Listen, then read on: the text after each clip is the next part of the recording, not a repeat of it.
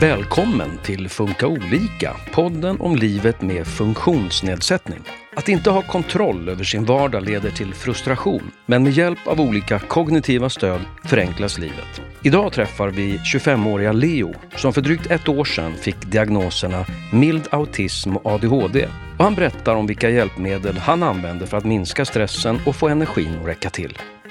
En kalenderapp Handy heter den, eller Handy 5. Det den gör är att om man minns de här gamla skolscheman eh, som man hade i grundskolan eller gymnasiet så kan man planera in och även sätta larm för det man har planerat. Det här är det första programmet i en serie om tre om kommunikativt och kognitivt stöd. Hej och välkommen hit Leo. Tack så mycket. Du är 25 år och har diagnoserna mild autism och ADHD. Stämmer. Och eh, hej också Birgitta Wennberg, arbetsterapeut på Habiliteringens resurscenter. Ja, det stämmer. Och eh, du forskar också inom eh, kognitiva funktionsnedsättningar och kognitivt stöd. Ja, det stämmer bra. Och jag heter Susanne Smedberg. Jag tänkte börja med att fråga dig. Vi ska ju fokusera på kognitivt stöd idag. Vad är det för någonting? Ja, kognitivt stöd kan man säga det är allt som eh, stödjer vår kognition.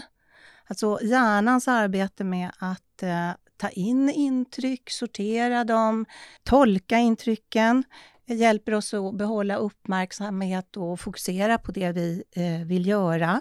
Att minnas, att förstå abstrakta begrepp som till exempel tid och pengar. Och att förstå orsak och verkan, vilka konsekvenser ett handlande kan få. Men också att, att hitta i, i olika miljöer. Vilka kan behöva här typen, den här typen av stöd? Egentligen är det väl så här att man kan säga att alla använder vi oss av kognitivt stöd på olika sätt. Till exempel, vi skriver checklistor för att komma ihåg vad vi ska göra för att inte behöva komma ihåg allt i, i huvudet och så. Men eh, om man har någon kognitiv nedsättning utav något slag så är det verkligen så att man absolut behöver den här typen av stöd. Och det kan, den här kognitiva nedsättningen kan bero på många olika saker. Är det vanligt vid några diagnoser? Det är väldigt vanligt när man har en, till exempel en intellektuell funktionsnedsättning, eh, när man har autism, ADHD, eh, om man har fått en, en eh, hjärnskada, kanske i, i vuxen ålder, men också vid olika psykiatriska sjukdomar. Leo, du fick ju diagnos ganska sent i livet. Vad var det som ledde till att du började utredas? Det var väl min flickvän hon hade förklarat att hon har ADHD och jag hade ju väl någon eh, stereotypisk bild om vad ADHD kan innebära. Och då tänkte jag direkt att jag associerar det med DAMP, vilket egentligen inte är. Men då sa hon till mig att, ja men läs om ADHD, vad det egentligen innebär. Då läste jag de olika symptomen och då märkte jag att väldigt mycket av det som står stämmer in på mig. Och det var det som fick mig att faktiskt gå och ta hjälp eller att åtminstone diagnostisera mig hade ni hängt ihop ett tag innan eller hade hon eh, försökt föreslå det här under en längre tid men du hade viftat bort det lite grann? Eller? Nej, det tog ett tag innan hon faktiskt nämnde det. Hon väntade lite med det för att uh, hon kände att om hon hade direkt kommit och bara men uh, du har säkert ADHD eller men kan inte du kolla upp dig? Då hade ju, då hade ju stämningen varit lite obekväm.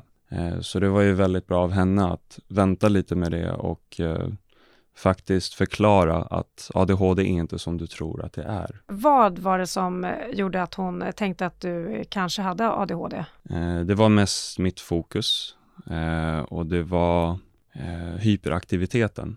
Det är inte ofta man märker det när jag umgås med vissa människor, men människor som jag är otroligt bekväm med vill jag säga.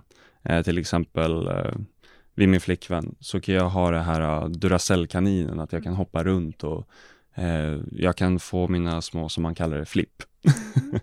hur, hur ser ett flipp ut? Eh, det är inte aggressivt, utan det är mera så här Eh, jag kan typ bete mig lite roligt, lite som en eh, skojare i klassrummet. Lite sånt där myror i brallan. Mm. det, är det, ja, men det är sådana flips man kan ja, få. Och det är på ett sätt så att det ändå är, det blir lite för mycket. Det är inte bara kul eh, då. för henne är det ju rätt så roligt, för hon tycker ju sånt är roligt, som tur är. men det kanske är lite energikrävande. Det, det är också en grej med ADHD. Det, det här med energin och att kunna disponera, eller energiförbrukning vill jag egentligen säga. Det är väldigt lätt att man blir trött. Det är väldigt lätt att man ena stunden har väldigt mycket energi, andra stunden är man väldigt trött. Och sen så får man tillbaks energin och sen så blir man trött igen. Men sen då, när du då fick din utredning, då fick du även diagnosen autism. Yes. Eh, vad tänkte du då? Ja, jag trodde ju, jag hade ju också en bild av vad autism innebar. Jag fick ju mild autism, eh, så kallad Asperger. Eh, då är det inte, alla har ju olika grader av autism och alla har olika grader av ADHD. Men just min Asperger handlar mer om eh, hyperfokuset. Det handlar om eh, eh, mitt till exempel språkbruk eller ifall man, eh, ifall man bryter mot vissa rutiner. Det är väldigt jobbigt för mig att om jag har sagt att någonting ska ske, då förväntar jag mig att det ska hända och då blir det mycket jobbigare för mig än en människa som inte har eh, Asperger. Det är, det är i alla fall en del av det. Men eh, vad hände då när du hade fått eh, de här diagnoserna? Då började du läsa på då, låter det som. Yes. Fick du någon annan hjälp? Vad blev nästa steg så att säga? Nästa steg var ju att jag blev rekommenderad till en arbetsterapeut. Eh, och jag är den personen som vägrar medicin. Jag tror inte för mycket på medicin för att jag vill inte vänja mig till en början. Jag vill ju först kunna se hur långt jag kan ta mitt huvud, om man säger så.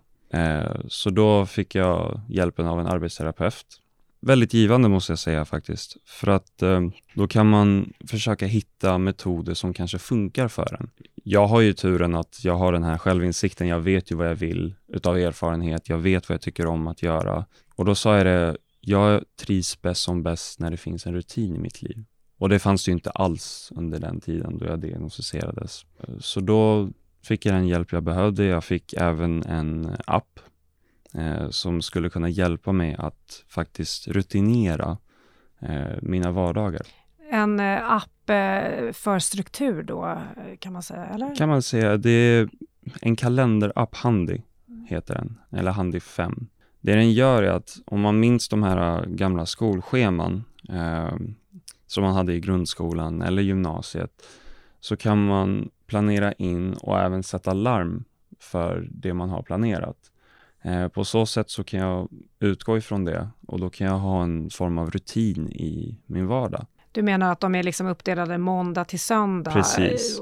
På en linje och sen är tid, klockslaget ja. Till vänster då kan man säga. Yes. Och det gör att det blir bättre överblick? Ja, precis. Och någonting som min arbetsterapeut också sa, att när man har saker nedskrivet, då slipper man tänka på det. För mig, jag hade inte tänkt på det. Jag har känt att det finns där, men en människa med ADHD eller mild autism kan ju känna väldigt mycket stress och ångest ifall man har allting i huvudet. Du fick ju diagnos ganska sent. Hur hade det funkat i skolan och med livet tidigare? Allting flöt på. För mig var det inte mer att det är därför jag hade det tufft, utan det är därför jag eh, man kan säga att pusselbitarna föll på plats. Varför jag betedde mig som jag gjorde, eh, varför jag kände att jag stack ut, då menar jag på det sättet att eh, jag kände att många andra var normala.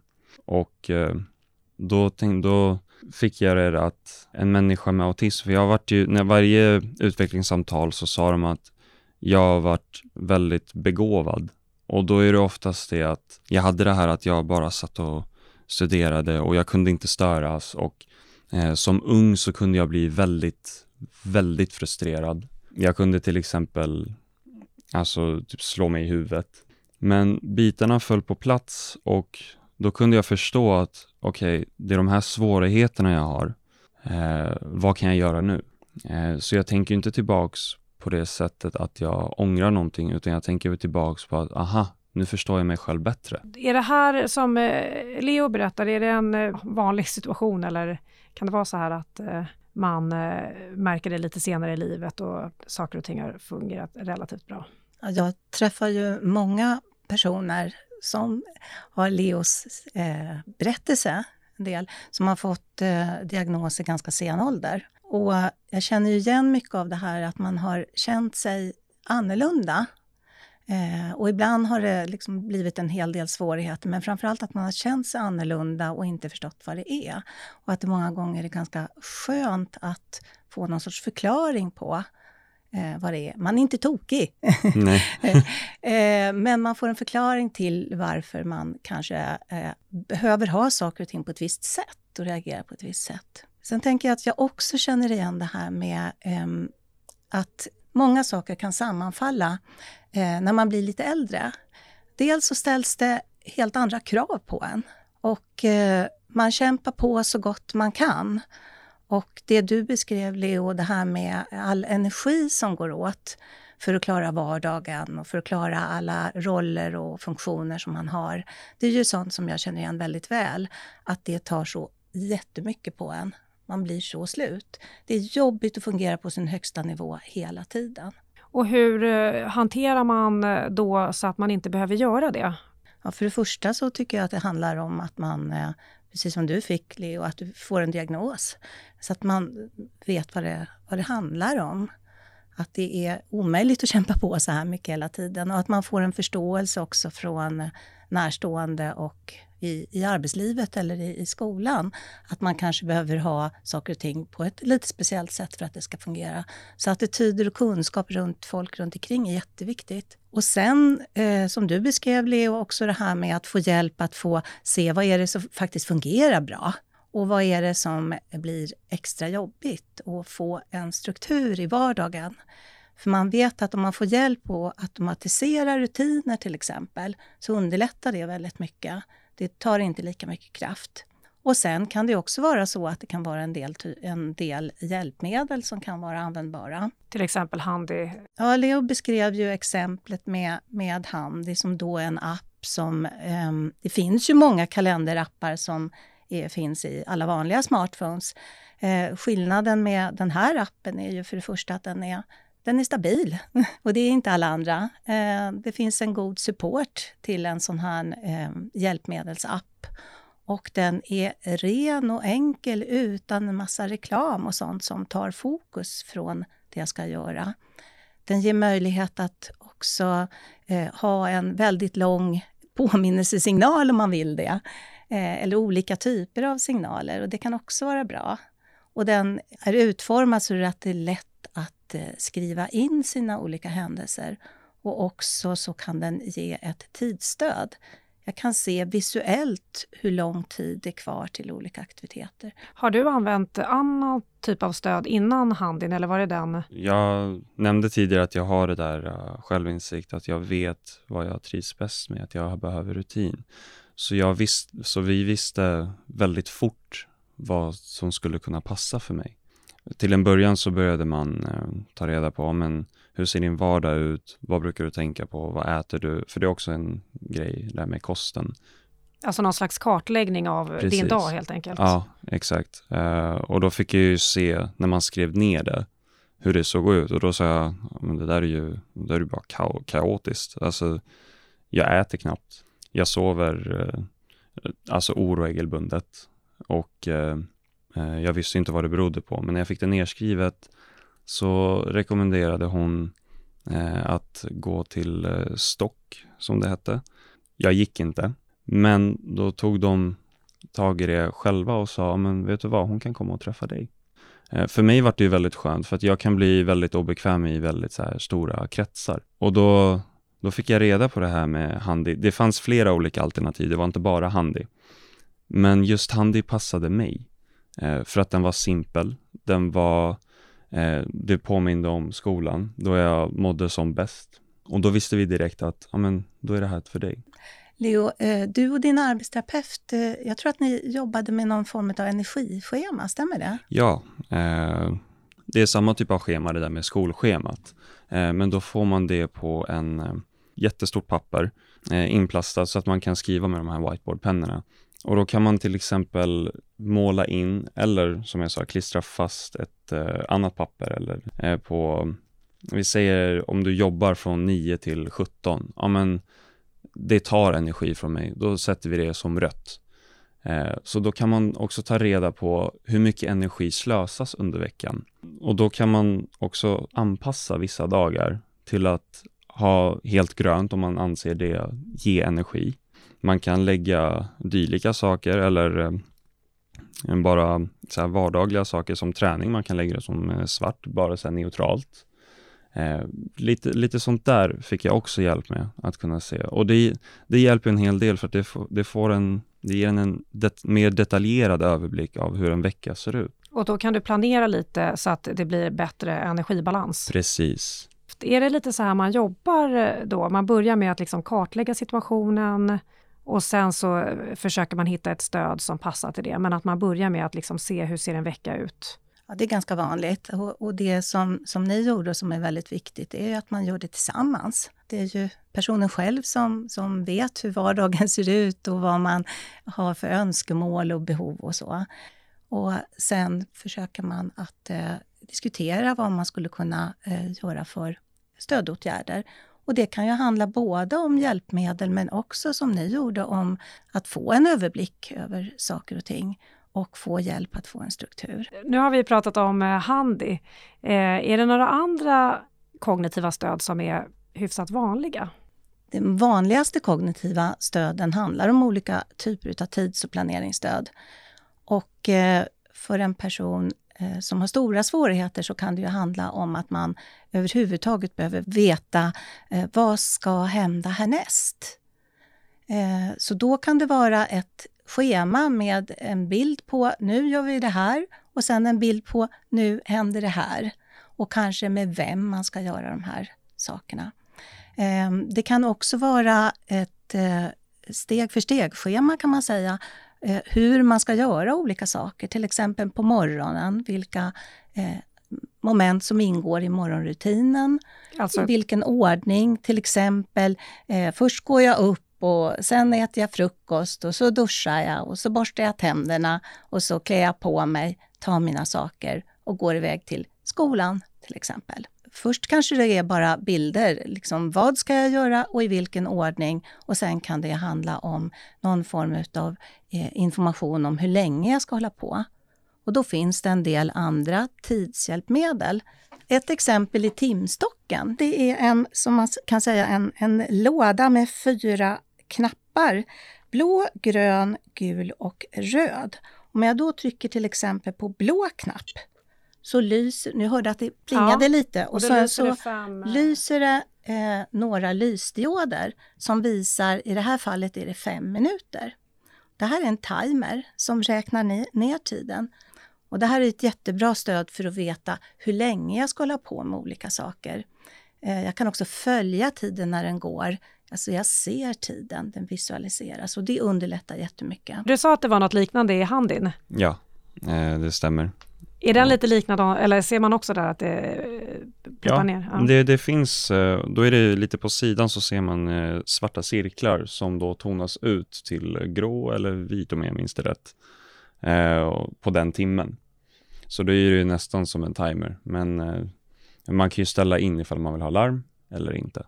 Jag tänker att det där är skönt för det är inte lika stressande om Precis. det liksom gradvis, eh, man ser gradvis och inte, att det inte bara plötsligt tjuter larmet. Nej. Eh, man har liksom en, det ger en uppfattning om tiden. Precis. Det vet man också enligt forskning att det är lättare att förstå tid om man får den visualiserad och att man får den stegvis och inte bara gradvis. Vad är det för faktorer som spelar in när man eh, ger den här typen av stöd? Eh, jag tänker i Leos fall, visste ganska mycket själv. Vad, du visste vad du behövde hjälp med och du hade en idé om det. Hur, hur gör man om man inte har det? Det är ju väldigt olika beroende på till exempel om det är ett barn, en ungdom eller en vuxen person. Eh, vilken kognitiv svårighet man har och hur stor den är. Men det absolut viktigaste är ju alltid att eh, personen själv har möjlighet att förstå vad som händer och kunna vara så delaktig som möjligt. Förändras behovet över tid? Ja, det, det, kan absolut förändras över tid. Dels är det ju så att om man är barn och får ett kognitivt stöd så förändras ju både ens förmågor men också ens behov väldigt mycket. Sen kan det också vara så att ett kognitivt stöd, till exempel med en rutin, att få stöd med morgonrutin till exempel, kan ju vara så att det kan vara bra och nödvändigt i början till man har banat in en automatisering av den här rutinen. Sen kanske man inte behöver det stödet längre. Känner du eh, igen det här hos dig, att du har vissa saker använder du inte av längre? Alltså mina behov är för tillfället i så fall vill jag säga tillfredsställda. Eh, jag har det jag behöver, jag har min handy, jag har skolan. Det var mest det som, det var bara det jag behövde egentligen. Jag behövde någon form av fastställd rutin, jag behövde, jag behövde nå mina mål. Du pluggar ju på universitetet nu. Har de eh, gjort några anpassningar för dig eh, om det gäller provsituation eller så? Det finns möjlighet till det. Eh, jag har dock inte utnyttjat det. Eh, det finns jättemycket stöd i skolan. Det finns kuratorer, det finns eh, till exempel ifall man behöver någon som ska anteckna åt en, anteckningsstöd. Det finns att man kan anpassa examinationer. Det finns att man kan man kan eh, dra ut på tak alltså, eh, omfattningen. Till exempel, jag pluggar ju på 100%, jag kan dra ner det till 85%. Eh, och då får jag ju fortfarande CSN-bidrag och eh, lån för heltid. Birgitta, om man eh, har behov av den här typen av stöd men, men inte får det eller använder sig av det, vad kan det få för konsekvenser för personen?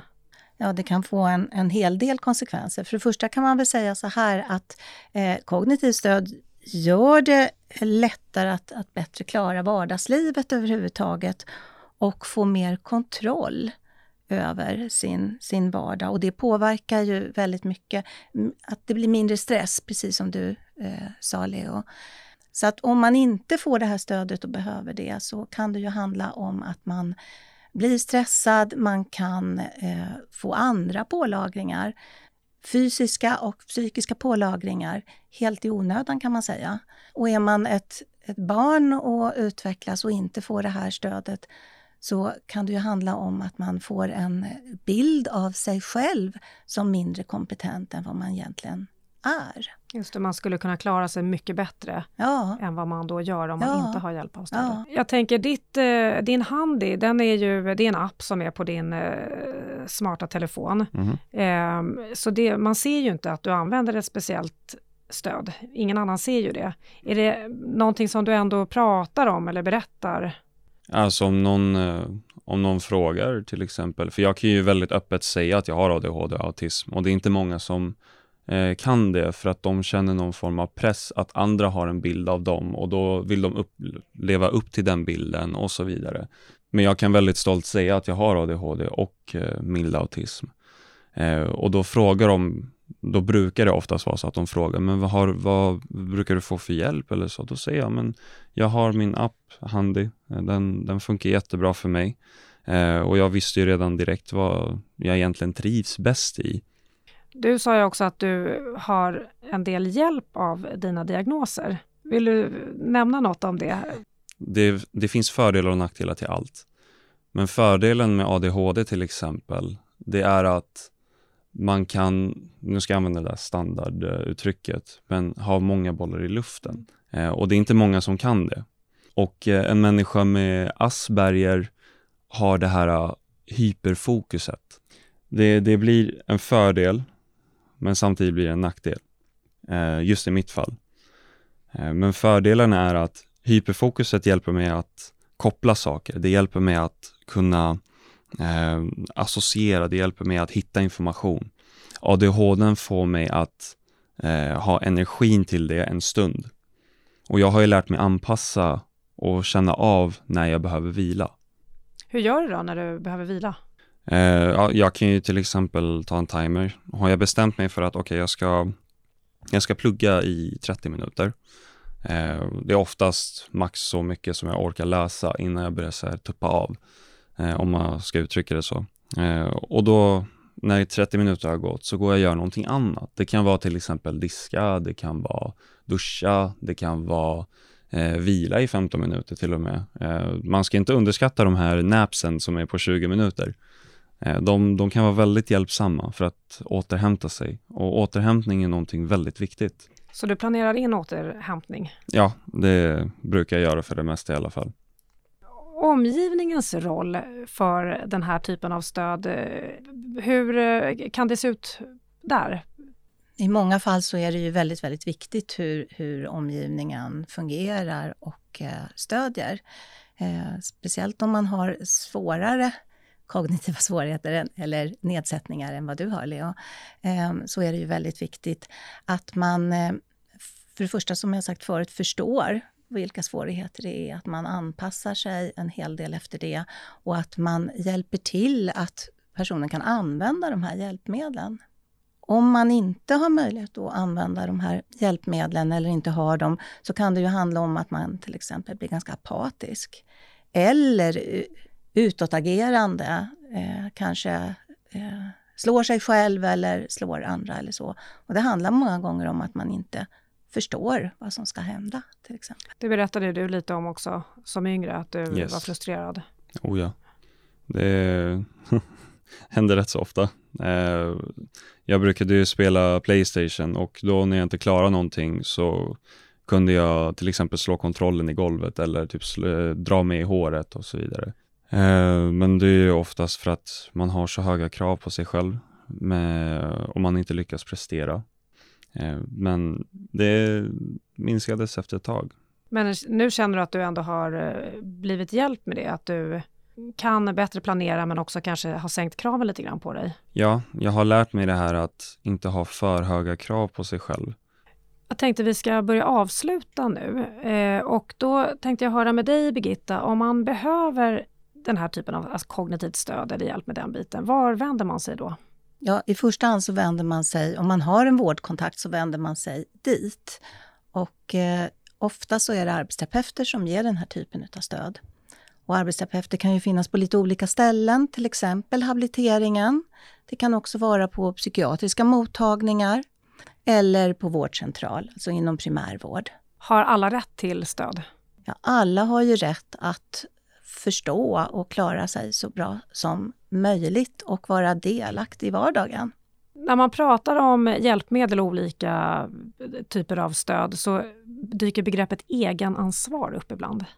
Vad innebär det? Ja, det är så här att det som är, är eh, det vi kallar för kognitivt stöd eller kognitiva hjälpmedel, eh, en del av dem är eh, förskrivningsbara. Att man kan få ett hjälpmedel förskrivet precis som man kan få en rullstol om man har svårt att gå. Men det är en hel del produkter som är hjälpsamma kan man inte få förskrivet som hjälpmedel utan det måste man köpa själv. Olika typer av eh, konsumentprodukter.